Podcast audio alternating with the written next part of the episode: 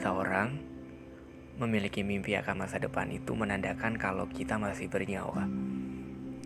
Karena sejatinya, hanya orang-orang yang telah menyatu dengan tanah saja yang sudah berhenti untuk merangkai mimpi.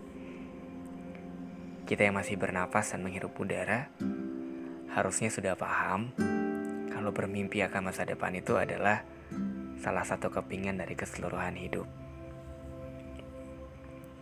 Dari kecil hingga dewasa saat ini, kita telah dilatih untuk ganas dan agresif dalam mewujudkan mimpi.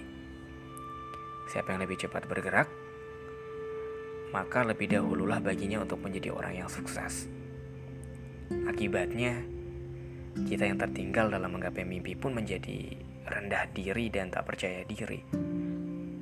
Padahal, bukan begitu konsep mewujudkan mimpi. Mimpi itu bukan masalah siapa yang pertama dan terakhir. Namun mimpi itu adalah tentang perjuangan dan tata cara kita dalam menikmati setiap proses yang kita lalui. Kenapa harus buru-buru sih? Pelan-pelan aja meraihnya, biar kamu gak jatuh dan kelelahan. Halo teman restu, dalam episode kali ini, judul podcast yang akan saya bicarakan adalah Raih Mimpinya pelan-pelan saja. Topik ini benar-benar dekat dengan kehidupan kita sehari-hari. Dekat banget. Karena dalam kehidupan sehari-hari ada banyak orang yang ada di sekitar kita, bahkan orang tua kita pun memberikan tuntutan yang yang sebenarnya sudah kita tahu apa maksudnya, yang sudah benar-benar kita pahami apa intinya kapan S2, kamu kapan nikah, kamu kapan punya anak, kamu kapan bikin rumah, dan kapan-kapan lainnya yang membuat kita menjadi terbebani. Yang akhirnya kadang-kadang hidup ini yang harus kita nikmati dengan bahagia, akhirnya menjadi sedikit terganggu karena terlalu banyak beban yang kita dapatkan dari orang lain. Padahal hidup itu sederhana. Namun terkadang omongan orang lainlah yang menyebabkannya menjadi tidak bijaksana.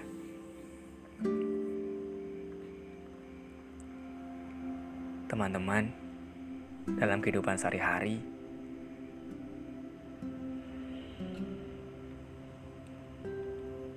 memang tak jarang kita mendapatkan banyak sekali tuntutan dari berbagai macam pihak. Seperti yang Restu katakan tadi, entah itu tuntutan kapan wisuda, kapan S2, kapan menikah, dan kapan-kapan lainnya itu. Akhirnya tak jarang, ajang kumpul dengan teman, sahabat, dan keluarga besar menjadi ajang penghakiman untuk kita yang masih belum menggapai mimpi-mimpi tersebut. Hingga akhirnya, kita harus mulai menutup telinga untuk setiap cercaan dan ejekan atas semua itu. Namun percayalah bahwa kita tidak gagal. Hanya saja sedang berjalan pelan-pelan demi menggapai mimpi yang benar-benar kita impikan. Setidaknya kita sedang jalan, bukan sedang jalan di tempat. Ya, hidup kan emang kayak gitu. Ada yang gapai mimpinya dengan mulus, tapi ada banyak juga yang dihadapkan oleh berbagai macam rintangan dan cobaan sebelum menggapai mimpinya. Ya sama halnya dengan tidur. Ada yang langsung tidur, ada yang harus dengerin musik dulu baru bisa tidur, ada yang harus baca buku dulu, atau ada yang harus melamun dulu baru bisa tertidur. Namun ada juga yang cuma sekedar pegang selimut langsung tidur. Ya begitu juga dengan mimpi. Ada yang harus menangis dulu, ada yang harus memar dulu, ada yang harus diuji dengan berbagai macam cobaan dulu baru akhirnya diberikan mimpinya oleh Yang Maha Kuasa. Tapi saya percaya bahwa mimpi itu bukan tentang siapa yang pertama dan terakhir. Namun mimpi itu tentang bagaimana cara kita untuk menikmati setiap prosesnya dari setiap langkah yang telah kita lakukan. Dalam episode kali ini, ada salah satu kisah yang ingin Restu angkat. Kisah dari seorang penulis yang sangat sukses, penulis yang sudah sangat kaya raya. Namun sebelumnya di masa lalu, dia telah melalui berbagai macam cobaan. Dan yang jelas, dia merangkai mimpinya dengan cara yang pelan-pelan, namun pasti.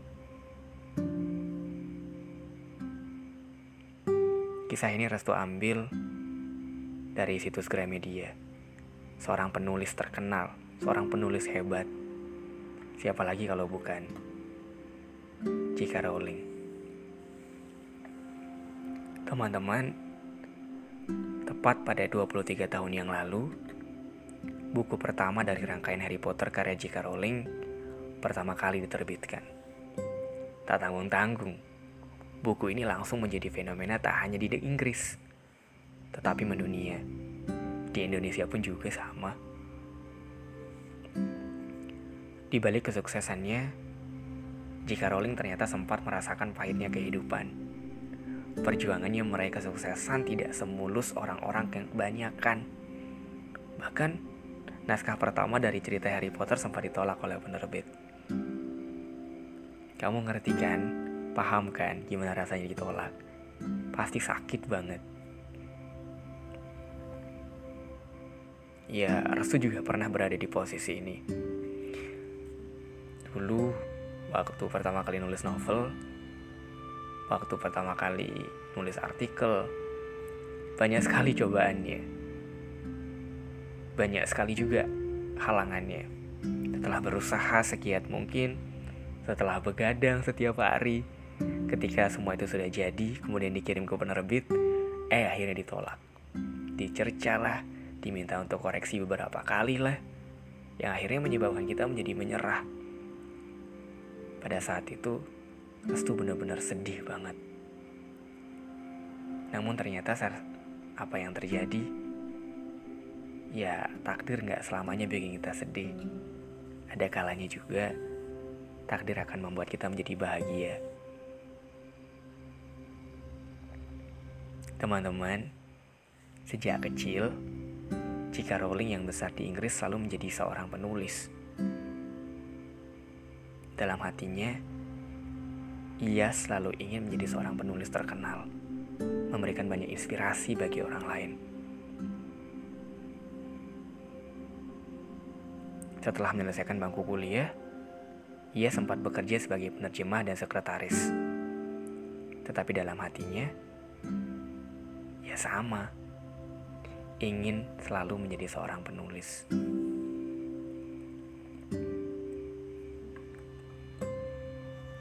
Pada tahun 1990, ketika ia sedang menunggu keretanya yang terlambat, J.K. Rowling pertama kali mendapatkan ide cerita tentang Harry Potter. Fakta lucunya, ia menuliskannya pada selembar tisu. Kemudian pada tahun 1991 hingga 1996, jika Rowling bertahan dari masalah menyelesaikan satu novel Harry Potter. Di fase ini, dia sempat mengalami jatuh, bangun dalam kehidupan pribadinya. Pasca meninggalnya sang ibu, dia harus menghadapi perceraian dengan suaminya, kehilangan pekerjaan, dan harus mengurus anaknya yang masih bayi seorang diri. Kalau Restu harus berusaha untuk membayangkan posisi dari J.K. Rowling pada masa itu mungkin bakalan benar-benar miris. Kebayang J.K. Rowling yang sudah jatuh, kemudian harus tertimpa tangga, harus terpleset lagi, setelah jatuh belum lagi juga harus menerima berbagai macam cercaan dari orang lain. Pasti berat banget.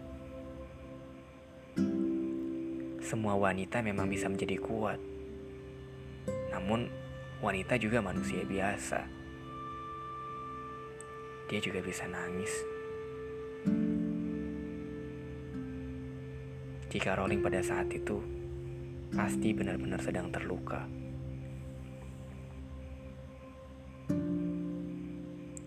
Di masa sulit itu, J.K. Rowling tetap konsisten untuk menulis.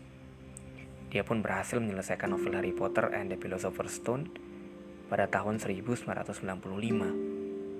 Namun ketika diajukan ke penerbit, idenya ini ditolak hingga 13 kali dengan alasan ceritanya terlalu rumit untuk dicerna oleh anak-anak.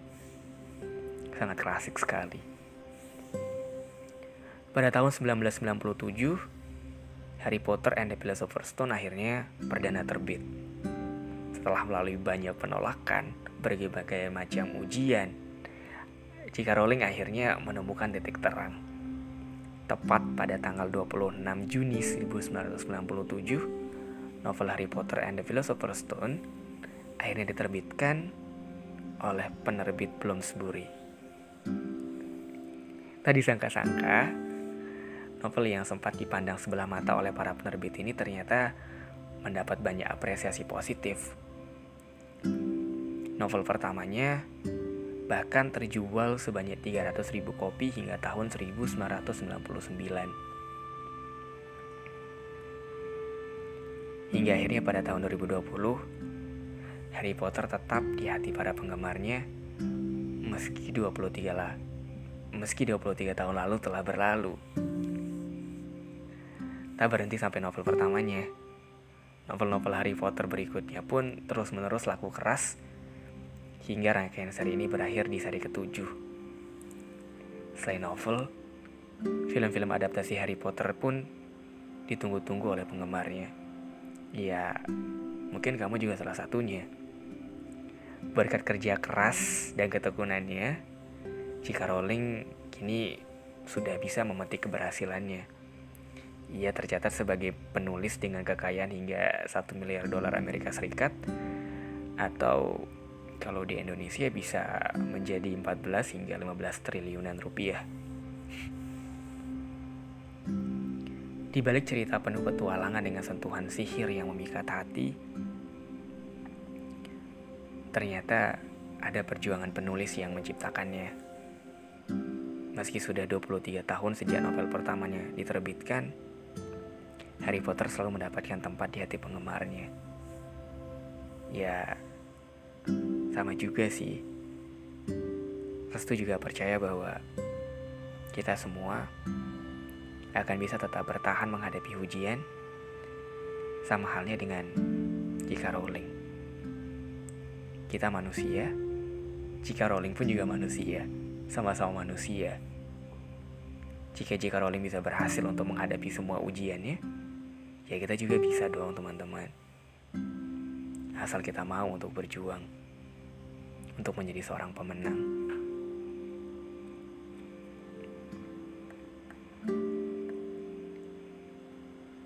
Teman-teman, berhenti mengatakan kepada diri sendiri kalau kamu itu sedang ketinggalan jauh. Kamu tidak ketinggalan, namun kamu hanya sedang menikmati proses yang akan menjadikan diri kamu menjadi orang yang lebih kuat lagi. Bukankah bangunan yang diciptakan lebih lama akan lebih kokoh dan kuat? Tuhan tidak akan pernah salah dalam menciptakan takdir. Lamanya kita mungkin memang suatu kesengajaan dari Tuhan agar kita bisa menjadi orang yang lebih tegak lagi, lebih kuat lagi, biar nggak mudah goyang oleh terbaan, agar tidak lebih mudah goyah oleh berbagai macam angin yang menghadang. Ya sama halnya dengan pohon. Semakin sering ia digoyangkan oleh oleh angin, oleh topan, ya maka akan semakin kuat akarnya. Ya, Tuhan juga mungkin bermaksud seperti itu. Ingin menjadikan kita lebih kuat melalui proses yang lebih lama. Pelan-pelan aja. Ngapain sih buru-buru? Jikapun suatu saat nanti mimpi itu tidak tercapai, setelah melalui serangkaian jalan dan pengorbanan yang panjang, Jangan terlalu banyak kecewa dan tenggelam dalam kesedihan. Ya, boleh aja sih kecewa. Kita kan memang manusia, bukan makhluk yang sempurna. Namun jangan sampai terlalu berlarut. Bukankah Tuhan sudah bilang, jika mimpi itu bisa dikabulkan sekarang, besok pagi, atau masa depan? Atau bahkan jika masa depan pun belum tercapai, Tuhan akan tetap membalasnya di, di surga nanti. Pastinya, Tuhan tidak pernah bohong dalam setiap janjinya. Tuhan tidak akan pernah mengkhianati setiap hambanya. Tuhan selalu maha adil dalam menciptakan setiap skenario dalam kehidupan manusia.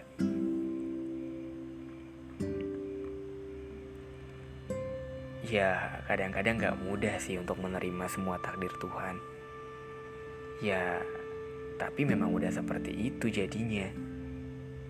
Tuhan menciptakan ada yang lama, ada yang cepat, ada yang pendek, ada yang panjang, dan semua itu pasti ada maksudnya. Ya, terkadang kita selaku manusia tidak bisa membaca maksud Tuhan. Namun terkadang apa yang dimaksud Tuhan itu akan kita ketahui di hari kemudian. Di hari kemudian kita akan sadar bahwa selalu ada pesan di setiap lamanya, di setiap cepatnya, dari terkabulnya setiap impian yang kita inginkan. Teman-teman, raih mimpi itu pelan-pelan aja. Siapa sih yang ngejar? Jangan paksa diri untuk lari saat energi telah habis. Selalu ada tempat di pinggir jalan untuk menghentikan langkah kaki agar kamu bisa istirahat sejenak. Kalau sudah pulih, barulah lanjut kembali. Ingat, pelan-pelan aja. Gak bakalan ada kok yang ngejar-ngejar kamu. Yang ngejar-ngejar kamu cuma satu ekspektasi dari orang lain. Ya jujur aja sih, banyak banget orang di luar sana yang yang peduli dengan hidup kita.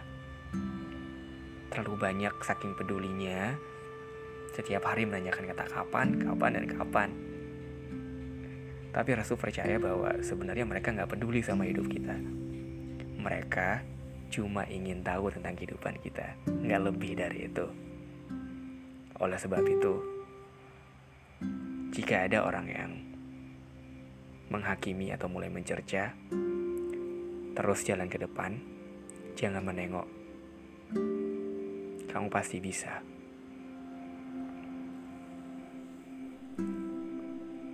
Untuk kamu yang belum wisuda, yang saat ini sedang berjuang menyelesaikan skripsi, jangan terlalu khawatir dengan tuntutan orang lain. Selama kamu tetap berjalan, kamu akan bisa mengakhirinya kok. Yang perlu kamu ingat, hanya karena terlambat wisuda, bukan berarti kamu telah gagal dalam pendidikan. Kamu sedang berjuang, dan kamu akan segera menang. Kalau mengikuti kata orang, kamu tidak akan pernah bahagia. Mereka tidak akan pernah berhenti menuntut kata kapan, kapan, dan kapan sebelum tubuh kamu berpelukan dengan tanah sebelum mati maksudnya. Ya, begitulah orang lain. Selalu memaksa kita, padahal diri sendiri aja. Padahal dia, dia sendiri, tidak mampu untuk memaksakan dirinya sendiri. Ya begitulah manusia, pintar memaksa orang lain, namun tidak bisa untuk memaksa diri sendiri.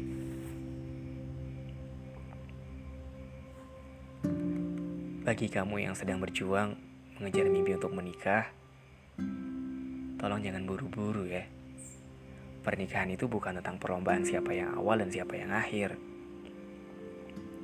Jika kamu memang belum siap, belajarlah dari pengalaman orang lain terlebih dahulu.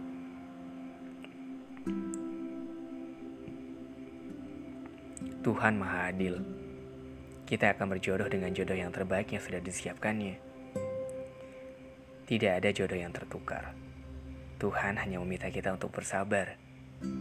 Kata orang sih, lebih baik ditertawakan karena belum menikah daripada tidak bisa tertawa karena sudah salah menikah. Lebih baik pelan-pelan daripada buru-buru hingga akhirnya salah orang.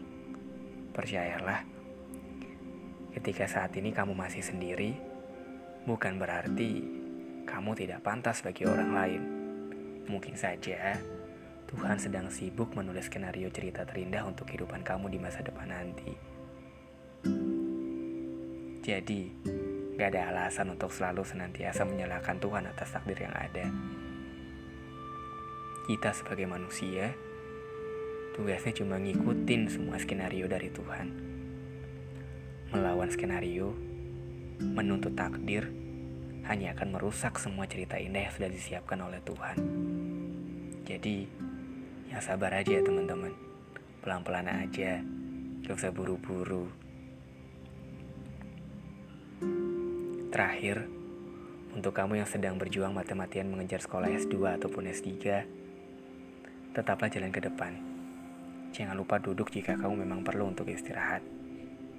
Saat teman-temanmu yang lain sudah mendapatkan gelar bertingkat, mengenakan toga untuk yang kesekian kalinya, semua bukanlah masalah. Kamu akan segera mendapatkan bagianmu sendiri. Kamu tidak pernah terlambat. Hanya saja, sedang diberikan ujian yang lebih berat. Tidak masalah mereka lebih dahulu. Namun kamulah yang akan tetap menjadi yang nomor satu. Berhentilah terlalu banyak melihat orang lain. Karena kalau kamu terlalu sibuk melihat orang lain, kita akan menjadi lupakan dari kita sendiri. Ya, boleh aja sih melihat orang lain tapi anggap aja sebagai motivasi. Bukan sesuatu yang harus bikin iri. Setiap orang punya takdirnya masing-masing. Ya ibarat novel. Novel kamu sama novelnya dia beda. Gak usah dipaksakan. Dan akhirnya, sampailah saya pada tahap kesimpulan. Teman restu, saya paham dan mengerti jika menjadi orang yang tertinggal itu memang janggal. Namun hidup itu memang sudah berjalan seperti ini. Semua sudah berjalan sesuai dengan konsep keadilan dari Yang Maha memiliki bumi ini.